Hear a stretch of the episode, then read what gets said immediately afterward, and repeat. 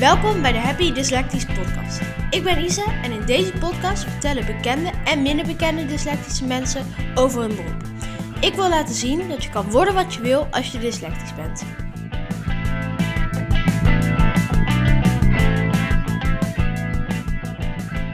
Deze keer spreek ik in de podcast met Jacques Vriend. Uh, Jacques Vriend heeft heel veel boeken geschreven. Uh, wat leuk dat je mee wilt doen met de podcast. Ja, nou ja, ik vind het onderwerp ook hartstikke belangrijk, omdat ik er natuurlijk zelf last van heb. En omdat ik natuurlijk als meester ook vaker mee te maken had met dyslexie. Dus toen jij mij vroeg, dacht ik, oh, dat vind ik heel leuk en, en belangrijk om, uh, om daarover te praten met jou. Ja, vond ik zelf ook, ja. Um, wanneer wist u dat u uh, dyslectisch was en hoe vond u dat? Nou, het, het, uh, het gekke is dat ik dat pas later ontdekt heb op de middelbare school. En daar moet ik eerlijk bij zeggen, het is natuurlijk al heel lang geleden dat ik op de basisschool zat, als kind. En daar hadden ze geen idee wat het was. Dus ik, uh, ik maakte echt, als ik een dicté had gemaakt, dan kreeg ik dat altijd terug vol met rode strepen. En het gekke was ook, ik schreef toen ook al verhaaltjes op school, hè, want dat, dat werd ook gevraagd. En dan kreeg ik die vaak terug met allemaal rode strepen erin. Hè, omdat ik gewoon een heleboel woorden verkeerd had opgeschreven. Uh, ik schreef best veel woorden op zoals ik ze hoorde. Hè, dus zoals dat dan zo mooi heet, fonetisch. Hè, dus dat letterlijk ja. wat je hoort opschrijven. Uh, en, en die hele spelling met D's en T's, daar maakte ik ook een puinhoop van. En dan kreeg ik die verhaaltjes terug en er stond daar gewoon keihard onder van...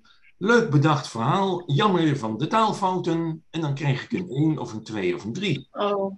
Ja, dat was echt... En, maar het gekke is, en daar ben ik achteraf nog steeds, denk ik... Ja, hoe, hoe heeft dat dan gewerkt bij mij?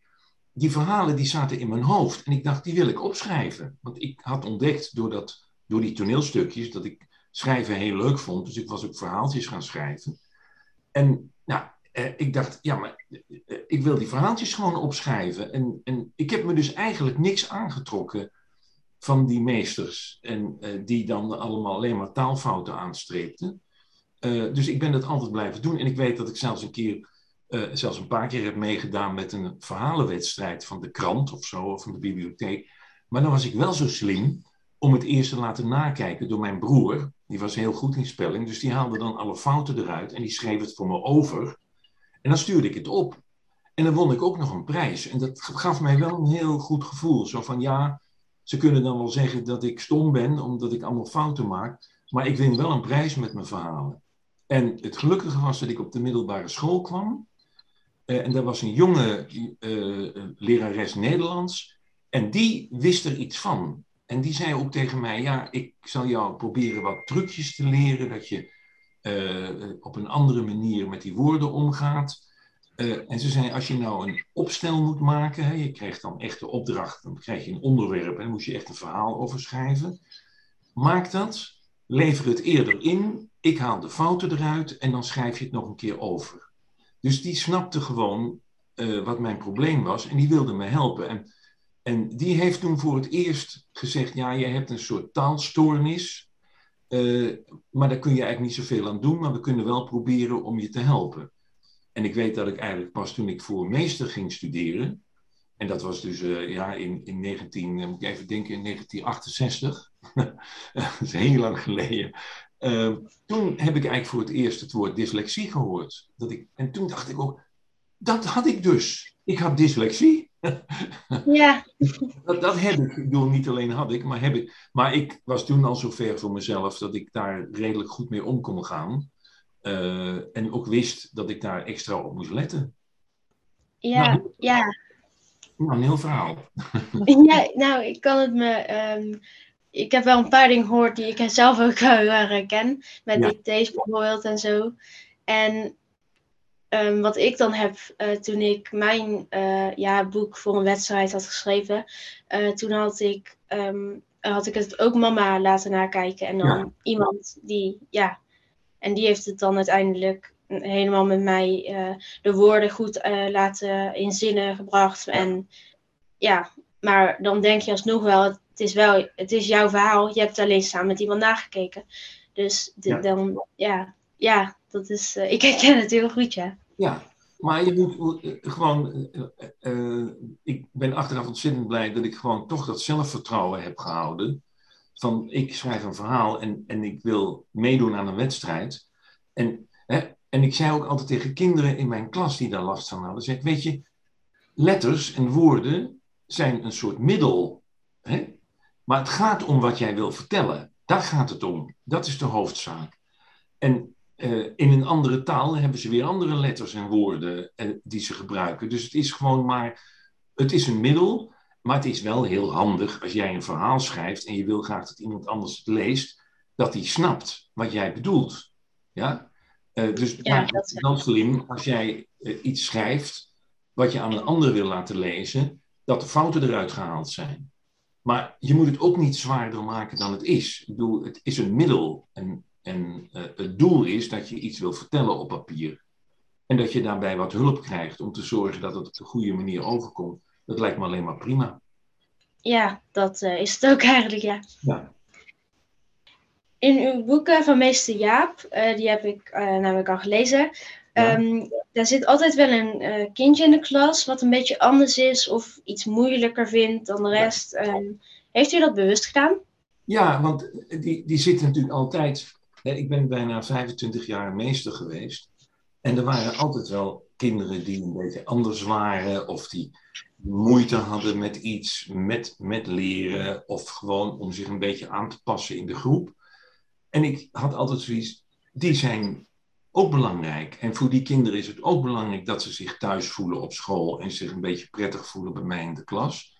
Dus die had ik ook in mijn klas. Dus ja, toen ik die meester ja-verhalen ging schrijven, uh, eh, eh, eh, kwamen die vanzelf in mijn verhalen terecht. Omdat ik het ook belangrijk vond.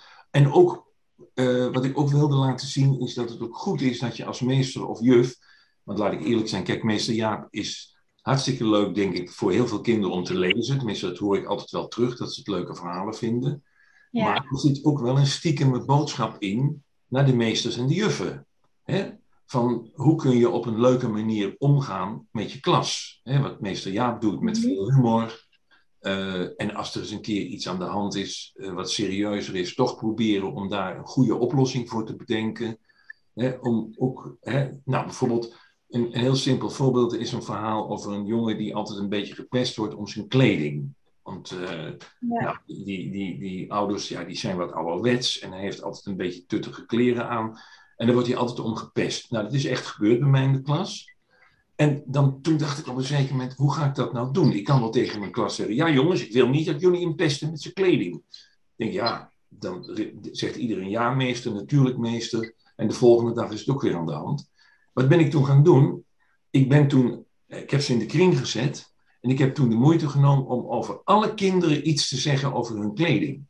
Maar op een beetje spottende manier. Hè? Dus tegen de een zei, het staat ook in het verhaal, van hé, waarom heb jij nou altijd zo'n communiejurkje aan als je naar school toe komt? Zo'n feestjurkje. En jij met die vieze gel in je haar, je smeert er zeker altijd een halve pot in. Dus die kinderen zaten echt al, wat is hij nou te gaan doen? En dus iedereen werd uh, onder handen genomen. En daarna eindigde ik bij mezelf. Hè? Ja, moet je nou die vriend zien met zijn met luizenbaardje. Hè? En heeft hij weer zo'n zo'n zo'n blouseje aan, zo'n geblokt blouseje aan, uh, waar hij altijd mee rondloopt. En moet je die schoenen zien. Weet je, dus waardoor er een soort ontspanning kwam in de klas en iedereen vreselijk begon te lachen. Maar iedereen snapte wel wat ik bedoelde. En dat heeft wel geholpen. En dat is wat ik altijd probeer, en meester Jaap ook doet, is kijken hoe kan ik op een of andere manier het zo draaien dat op een of andere manier iedereen snapt wat ik bedoel. En dat daar ook echt over nadenkt. Hè? Nou, bijvoorbeeld het voorbeeld van een meisje die dan op een zeker moment al vanaf de kleutergroep in de groep zit. En die komt ineens in groep 7 met een hoofddoekje op school. Nou, nou er zijn een aantal kinderen die, die vinden dat gek. En die maken daar opmerkingen over. Nou, dat meisje loopt huilend de klas uit. Die is hartstikke verdrietig vriendinnetje gaat mee. En dan bedenkt meester Jaap, nou jongens, die legt uit waarom dat zo is. Dat hè, in sommige uh, culturen en religies dat meisjes als ze wat ouder worden een hoofddoek gaan dragen. Nou, dat is in dit geval aan de hand. En die zegt, jongens, we moeten iets doen voor haar om te laten zien dat we het snappen. Dus nou, alle kinderen zetten iets op hun hoofd. Die halen iets uit de verkleedkist of die zetten een doos op hun hoofd of noem maar op. En dan roepen ze haar terug. En dan komt ze binnen en dan ziet ze al die kinderen met iets op hun hoofd. Meestal Jaap ook. En dan moet ze heel erg lachen. En dan is er weer iets doorbroken. En nou, dat is wat ik met meester Jaap verhalen eigenlijk altijd probeer. Ja, dat is ook heel belangrijk. Ehm, ja. Ja, ja, nou ja, en dat probeerde ik ook altijd in mijn klas. Uh, ik vond dat heel belangrijk. Dat, dat, uh, nou, ik zei ook altijd tegen kinderen, ik vind het hartstikke belangrijk dat iedereen met plezier naar school komt. je hoeft niet juichend de school binnen te komen. Maar ik wil niet dat er iemand mijn klas binnenkomt met een rotgevoel van, oh, dan moet ik weer naar die vervelende klas of naar die stomme meester. Dat je toch gewoon met een beetje prettig gevoel die klas binnenstapt. Hoe je ook, hoe je ook bent. Ja. ja, iedereen mag er zijn. Dus dan is het ook stom om heel veel commentaar te geven. Dat is... Absoluut. Ja. Um, u bent schrijver en hebt heel veel boeken geschreven. In mijn klas zei iemand dat, dat je heel goed moet zijn in uh, spelling als je schrijver wilt worden. Maar dyslectische mensen die zijn meestal niet goed in spelling. Heeft u wel eens last van uw dyslexie uh, bij het schrijven? Ja, dat heb ik zeker. Nou, ik moet wel eerlijk zeggen, doordat ik natuurlijk heel veel geschreven heb, ja, op een zeker moment gaan er sommige dingen steeds beter. Ik weet dat ik heel lang moeite had. Gewoon een heel simpel voorbeeld. Als ik het woord onmiddellijk moest opschrijven, dat ik iedere keer dacht, ik weet het niet. En dan deed ik maar wat. Uh, nou, tegenwoordig is natuurlijk de spellingcontrole op een uh, computer is natuurlijk fantastisch. Maar dan nog gaat het fout. Uh, en het is altijd zo dat, het, ik moet wel zeggen, het gaat steeds beter. Dus als je er, en dat is ook een tip die ik je zou willen geven, geef de moed niet op. Blijf gewoon er aandacht aan geven kan me wel voorstellen als je een verhaal schrijft dat je denkt, nou, ik weet even niet het woord, ik schrijf gewoon op wat in me opkomt. En dan ga ik later wel kijken uh, hoe ik het kan verbeteren. Maar dat, dat, je je eerst even richt op je verhaal. Dat doe ik ook altijd. Hè? Uh, maar dan later dan kan ik door de spellingcontrole eroverheen te laten gaan, kan ik er heel veel fouten uithalen. Maar Therese, mijn vrouw, leest altijd als eerste mijn boeken. En die haalt er dan ook nog wel een aantal fouten uit. Die is heel goed in spelling. Niet dat ik daarom met haar getrouwd ben, maar het is wel handig, moet ik zeggen. En uh, nou, die, die haalt er dan ook nog fouten uit. En ook als ik het inlever bij mijn redacteur, die haalt er ook nog wel eens wat uit. Maar ja, ik moet je eerlijk zeggen, ik til daar niet zo zwaar aan. Ik denk, ik wil mijn verhaal vertellen. En als ik daar uh, dan wat problemen heb met die spelling, uh, dat is eigenlijk bijzaak. Je moet het later wel eruit zorgen dat, dat die fouten verbeterd zijn, want je wil dat andere mensen het lezen en die moeten zich niet storen aan jouw fouten. Maar in eerste instantie heb ik altijd zoiets van, nou, ik wil eerst mijn verhaal vertellen en dan zie ik daarna wel uh, hoe het verder gaat.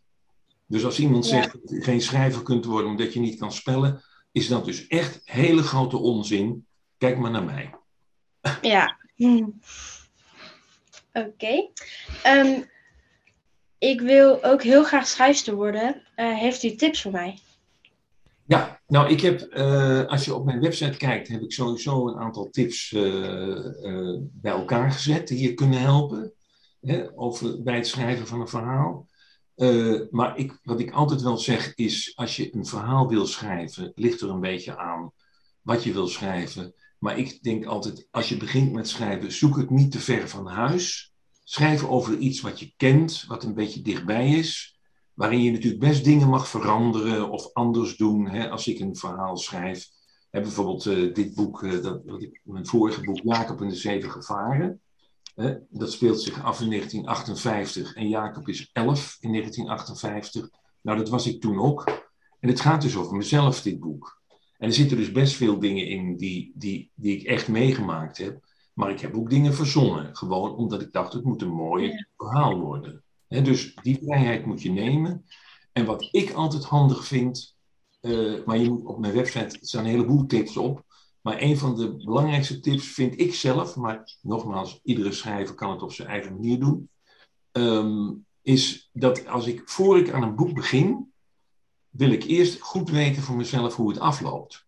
Dat ik weet waar ik naartoe wil. Maar ik hoor heel vaak ook wel van van, van kinderen die dan zeggen, ja, dan wil ik een verhaal schrijven en dan heb ik twee bladzijden af en dan weet ik het niet meer. En dan zeg ik altijd, ja, weet je, het is heel handig om van tevoren in ieder geval te weten wat ongeveer het einde is. En dan hoeft het helemaal nog niet zo te zijn dat je zeker weet dat het dat wordt, hè, maar Want het kan best zijn dat ik, terwijl ik aan het schrijven ben, dat ik het einde nog drie keer verander. Dat kan. Maar om te beginnen is het best lekker om te weten waar je heen wil met je verhaal. Ja. dat is in ieder geval een tip die ik je zou kunnen geven. Ja, ik denk dat ik daar wel veel mee kan. Ja. Oké. Heel erg bedankt. Ehm, dyslectisch zijn is niet altijd even makkelijk. Eh, Ja. Waar heeft u het meeste moeite mee? Ehm, nou, dat ik, als ik bijvoorbeeld, ehm, ik, ik krijg nog wel eens eh, eh, brieven van kinderen. En daar reageer ik altijd op. Dan schrijf ik altijd een persoonlijk kaartje of een briefje terug. En dan moet ik echt altijd mezelf, hè, zeker als je dan druk hebt en je denkt, nou, ik zal toch eventjes gauw, hè, dat, dat, eh, ik wil dat de jongen of meisje niet te lang laten wachten op een antwoord. Dan schrijf ik snel even een kaartje. En dan moet ik mezelf altijd weer even dwingen en zeggen, oh, wacht even, stop. Goed nakijken, fouten eruit halen. Want het is natuurlijk een beetje raar als je eh, dan een antwoord geeft wat vol met fouten zit. En dan komt het nog wel eens voor dat er één doorheen glipt. Maar dat is bijvoorbeeld iets waar ik zelf dan echt even heel alert op moet zijn. Omdat je dan gewoon met de hand, want ik schrijf altijd een kaartje met de hand terug. Want volgens mij vinden, vinden kinderen dat het allerleukste, dat je gewoon een persoonlijk Ja. krijgt. En, eh, dus daar moet ik dan wel even goed op letten. Eh, eh, en dat denk ik, maar kijk, als ik met een boek bezig ben, dan weet ik dat ik gewoon het, het spellingcontrole, terreinverliet nakijk. Dus dat is allemaal niet zo'n probleem. Maar dat soort dingen, dat zijn even de momenten dat je denkt, oeh, wacht even. Ik moet wel even goed opletten dat ik geen eh, rare fouten erin laat zitten. Ja. Ja? Ja, dat, eh, ja dat, dat snap ik wel. Want dat is natuurlijk, eh, spelling is een van de moeilijkste dingen met fouten, fouten maken in, met dyslexie. Dus ja, dat, dat is heel moeilijk, ja. Maar nogmaals, wat ik Ehm. zei, ik heb wel ervaren dat als je eh, ermee bezig blijft en je wordt ouder hè, en, en je geeft het niet op, dat het wel steeds beter gaat. Dat is echt zo. Ja. Ja. Ja, hoe vaak je de woorden ook eh, herhaalt, hoe, eh, ja. Ja, dat, dat moet ik eigenlijk ook doen. Misschien na, na 20 jaar of zo, dat je denkt, oh, nu weet ik eindelijk hoe ik moet schrijven. Dus geef de moed. Ja. ja. Naast schrijver bent u natuurlijk ook regisseur van toneelstukken. ehm, en ik ben pas bij het toneelstuk De Strijd van de, kathedra eh, de Kathedraal geweest. Ja, Eh, ik vond het een heel mooi stuk. En ehm, dit is een toneelstuk ehm, van een van uw boeken. Ja. Als, ik, als ik een verhaal hoor of lees, dan zie, zie ik het altijd voor me. Heeft u dat ook? Ja, want ik vind een van de leukste dingen van lezen, van een boek lezen, vind ik dat er, ik, ja, ik zeg wel eens, er wordt een soort knop omgezet in je hoofd. En je mag helemaal, je moet het ook echt helemaal zelf doen. Het is jouw verbeelding die dan dat verhaal gaat invullen. Terwijl, kijk, als je naar een film kijkt of naar Netflix of, of, of op je telefoon, en dat is ook hartstikke, ik, bedoel, ik vind een film ook hartstikke leuk hoor, ik ga graag naar de bioscoop. Hè? Maar ik vind de kracht van een boek juist dat het helemaal bij jouzelf zit. Dat het helemaal in jouw Ja. eigen hoofd mag gebeuren. En dat, eh, ja, dat vind ik ontzettend leuk. En dan vind ik het weer heel leuk dat je dan zo'n boek zelf kunt bewerken tot theatervoorstelling. Dus dat je als het ware wat je bedacht hebt ook helemaal kunt laten zien in het echt. Dat is dan ja, weer iets heel anders. Maar dat, en ik het ook nog zelf mag regisseren. Want het is natuurlijk fantastisch als je zo'n grote groep mensen om je heen hebt die ook nog zo enthousiast zijn. Dat hebben jullie waarschijnlijk wel gezien, dat ze met heel veel Ja. en enthousiasme spelen. Eh, ja, dat is natuurlijk fantastisch. Dat is een cadeautje Ja. dat je krijgt. Ja. Ja. Ehm, helpt het dan ook eh, de, de eh, eigenlijk fantaseren daarover ook helpen bij een toneelstuk maken? Zeker, zeker. Want je moet natuurlijk zo'n boek vertalen naar, naar het theater. Dus dan moet je ook weer gaan nadenken van ja, hoe krijg ik dit nou het beste... eh, eh, eh, als ik bijvoorbeeld aan het bo- boek... Ik, weet niet, ik denk niet dat je het boek... Ik denk niet dat je het boek gelezen hebt. Waarschijnlijk niet. Nee, Maar- volgens mij nog niet. Maar het boek begint eigenlijk met, dat is die, die, scène zit ook wel in het toneelstuk, maar het boek begint met het moment dat Ties uit de kloosterschool geschopt is door broeder Daniel, eh, broeder Daniquel, hè, omdat hij eh, weer heeft zitten knoeien. Daar begint het boek mee. Ja. Dan, eh, terwijl ik dacht, ja, met zo'n toneelstuk eh, je moet eerst zorgen dat alle mensen in de middeleeuwen terechtkomen. Dat je als publiek denkt, oh ja, we gaan nu een middeleeuwse stad in. Dus ik heb er bewust voor gekozen om, er zijn uh, scènes uit het boek, maar ook dingen die ik nog bedacht heb, die zich afspelen in de stad, om daar het verhaal mee te beginnen. En bijvoorbeeld zo'n broeder Wees, dat is ook een, ja, ik zou bijna zeggen een toneeltruc. want in het boek ik, komt hij wel voor, want het is een goede vriend van, van Ties. Maar ik heb hem in het toneelstuk, heb ik hem de verteller gemaakt. dus hij, hij vertelt het verhaal, maar hij doet ook mee. Hij speelt ook mee in het verhaal. En dat is ook bedoeld, ehm, maar ik weet niet in hoeverre dat interessant is voor, voor, jou, voor die podcast, maar ehm, dat, je als, dat je weet, als je zo'n stuk schrijft en het is een openluchtvoorstelling, dat het altijd lastiger is om de aandacht van het publiek vast te houden. En ook ervoor te zorgen dat ze het verhaal goed kunnen volgen. Omdat er natuurlijk veel meer ja, onrust is, zou ik bijna zeggen. En dan is zo'n broeder Wees, die je als het ware steeds terugziet als verteller, die je meeneemt in het verhaal, die zorgt er dan voor dat je het verhaal kunt blijven volgen. En daarom heb ik dus broeder Wees ook die rol gegeven van verteller. Die dus niet in het boek, in het boek is hij geen verteller, is hij gewoon wel broeder Wees, maar niet de verteller. Ja, dat vond ik zelf ook heel handig, want dan was ik het af en toe eventjes denk van, oh ja, oh ja. En dan begon hij weer te praten en dan wist ik het weer. Ja, dat is uh, ja, dus dat heel is, handig. Is gelukt. ja. Wist u dat dyslectische uh, mensen heel veel talenten hebben? Uh, dat noemen wij de sterkrachten. De S, die staat voor de sterke ideeënkracht. De T die staat voor 10 stappen vooruit denkkracht. De E die staat voor de enorme verhalen denkkracht. En de R die staat voor ruimtelijk denkkracht. Ja. U hebt uh, heel veel boeken geschreven, dus ik denk dat u de S en de E, de uh, sterke ideekracht en de enorme verhalen denkkracht, wel uh, bij uzelf herkent. Ja. Herkent u ook nog andere, de andere van de ruimtelijk denkkracht en even kijken, de, de tien stappen vooruit denkkracht? Uh, ja, wel. Want, want ik, ik, ben heel erg, vooral dat laatste, dat ik als ik een, een, een, plan moet maken voor iets of zo. Nou, ik denk bijvoorbeeld aan die voorstellingsstrijd om de kathedraal. Dat ik dan mm -hmm. inderdaad uh, al heel erg vooruit denk. Heel simpel voorbeeld, als we bijvoorbeeld een repetitie hebben, dan ben ik al van tevoren, weet ik precies wat ik tijdens die repetitie ga doen. Hè? Dan weet ik dat al een paar dagen van tevoren bijvoorbeeld. dus, ook, uh, dus dat soort dingen is wel iets wat ik herken. En het is inderdaad zo, dat is echt heel grappig, dat uh, heel veel uh, mensen die bijvoorbeeld ballet, toneel, schrijven, schilderen, daar zitten best veel mensen onder die dyslectisch zijn. Dus dat is heel grappig dat dat eigenlijk bijna zou kunnen zeggen een soort aanwijzing is dat je een talent, maar een, een talent hebt. Hè? Dat is, ja. is dan uh, een beetje vervelend, maar er staat wel iets anders tegenover. Dat je een bijzonder talent hebt voor iets. Ja. En dat zie je echt bij heel veel mensen terug. En dat vind ik ook wel bijzonder. Ik vind het leuk dat je dat zo ook benoemt. Ja. ja. Um, heeft u nu een tip voor dyslectische kinderen? Nou, ik vind de belangrijkste tip is dat je het niet groter voor jezelf moet maken dan het is. En gewoon heel praktisch moet denken. En denk van, nou oké, ik heb hier last van. Uh, nou, andere mensen hebben weer last van andere dingen. Uh, ik ga gewoon kijken hoe ik hier het beste mee om kan gaan. Vraag hulp waar ik die hulp kan gebruiken.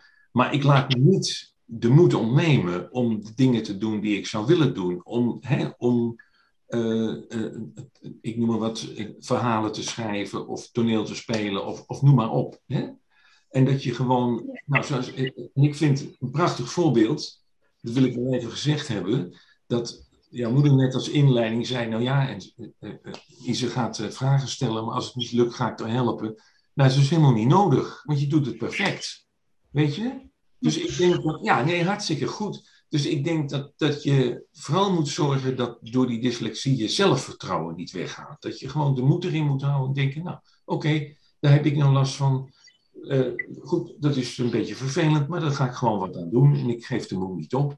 Dat is denk ik de belangrijkste raad die ik je kan geven. Kijk nou, dat is, uh, ja, het is heel uh, belangrijk in ieder geval. Ik weet zeker dat luisteraars hier dus echt iets mee kunnen. Ja, ja. Um, wist u dat Walt Disney ook dyslectisch was? Ja, dat wist ik. Nu ben, Ja. Nu ben ik benieuwd wat uw favoriete Disney-film is. Uh, ja, dan, dan uh, heb ik, ik vind Bambi nog steeds. Maar dat komt ook omdat ik die echt als, ik denk dat ik vijf of zes was, voor het eerst zag. En het was ook een van de eerste keren dat ik echt in de bioscoop kwam. Dus die heeft een enorme indruk uh, op me gemaakt. En ik vind, het zijn dus wat oudere films die ik nu noem. Assepoester vind ik ontzettend leuk, maar het is een hele geestige film, vind ik. Ja. Met die, met, die, vervelende zussen en die gekke kat die erin zit.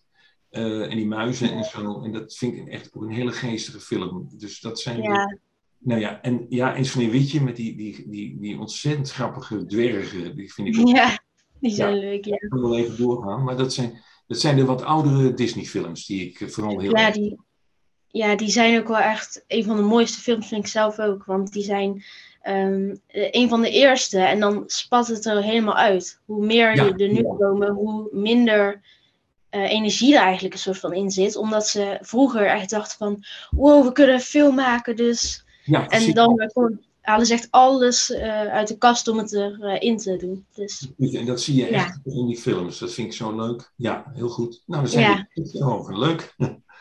ja. Nou, um, dit was het. Heel erg bedankt dat u um, met mij in gesprek wou, wou gaan over dyslexie. Ja. En ik zou zeggen, hou de moed erin. Ja? ja. Oké. Okay. Ben je dyslectisch en heb je een leuk beroep of ken je iemand?